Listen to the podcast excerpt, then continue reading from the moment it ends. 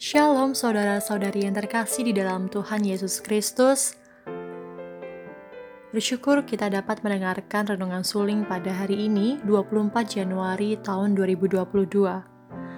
Sebelum kita mendengarkan renungan suling pada hari ini, marilah kita bersatu di dalam doa. Bapa yang bertata di dalam kerajaan surga, terima kasih Tuhan atas berkat-Mu pada hari ini. Kami masih diberi kesehatan, kami masih diberi berkat, darimu. Sekarang kami akan mendengarkan firman yang akan disampaikan melalui renungan suling pada hari ini Bapa. Biarlah apa yang kami dengar dari renungan ini bisa menjadi berkat, bisa menjadi rema di dalam kehidupan kami. Terima kasih Tuhan, hanya di dalam nama Tuhan Yesus Kristus kami telah berdoa dan mengucap syukur kepadamu. Haleluya. Amin. Saudara-saudari yang terkasih di dalam Tuhan, renungan suling pada hari ini diberi judul Maraton Kehidupan yang diambil dalam kitab Ibrani 12 ayat 1 sampai 17.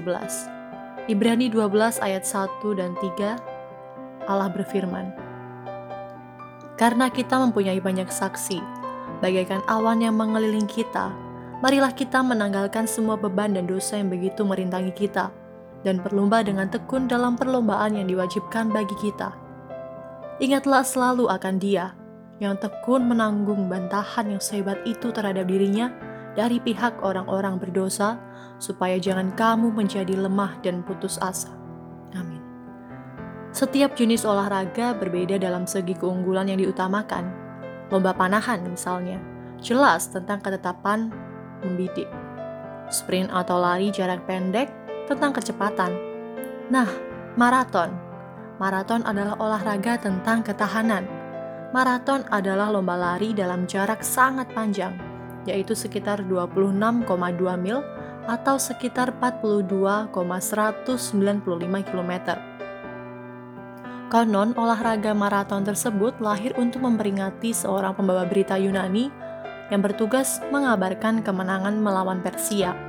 Ia lari dari medan pertempuran, yaitu daerah bernama Maraton, sampai Athena tanpa henti meski akhirnya mati.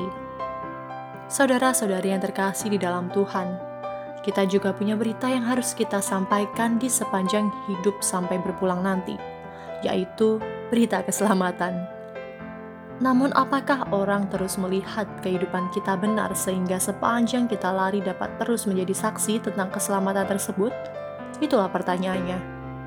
Padahal, dalam setiap jengkal yang kita tempuh tidak mudah, ada tantangan dari luar, pun dari diri sendiri.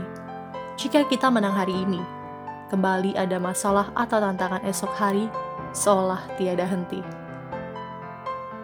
Jika mau memperhatikan, bahkan Yesus sendiri pun mengalami ada orang yang dimenangkannya, tetapi kemudian selalu ada konflik yang mendatanginya dari pihak lain, terutama ahli agamawi Yohadi. Ada orang yang dimenangkannya, tapi kemudian selalu ada konflik yang mendatanginya dari pihak lain, terutama ahli agamawi Yahudi sendiri. Demikian terus-menerus. Betapa melelahkan dan dapat mengecewakan. Kata tekun ditulis tiga kali di setiap ayat 1 sampai 3. Maka berarti menjadi tekun itu penting. Tekun hidup atau memilih langkah yang benar diperlukan supaya kita terus bertahan kita terus menjadi saksi dan sampai pada kesudahannya.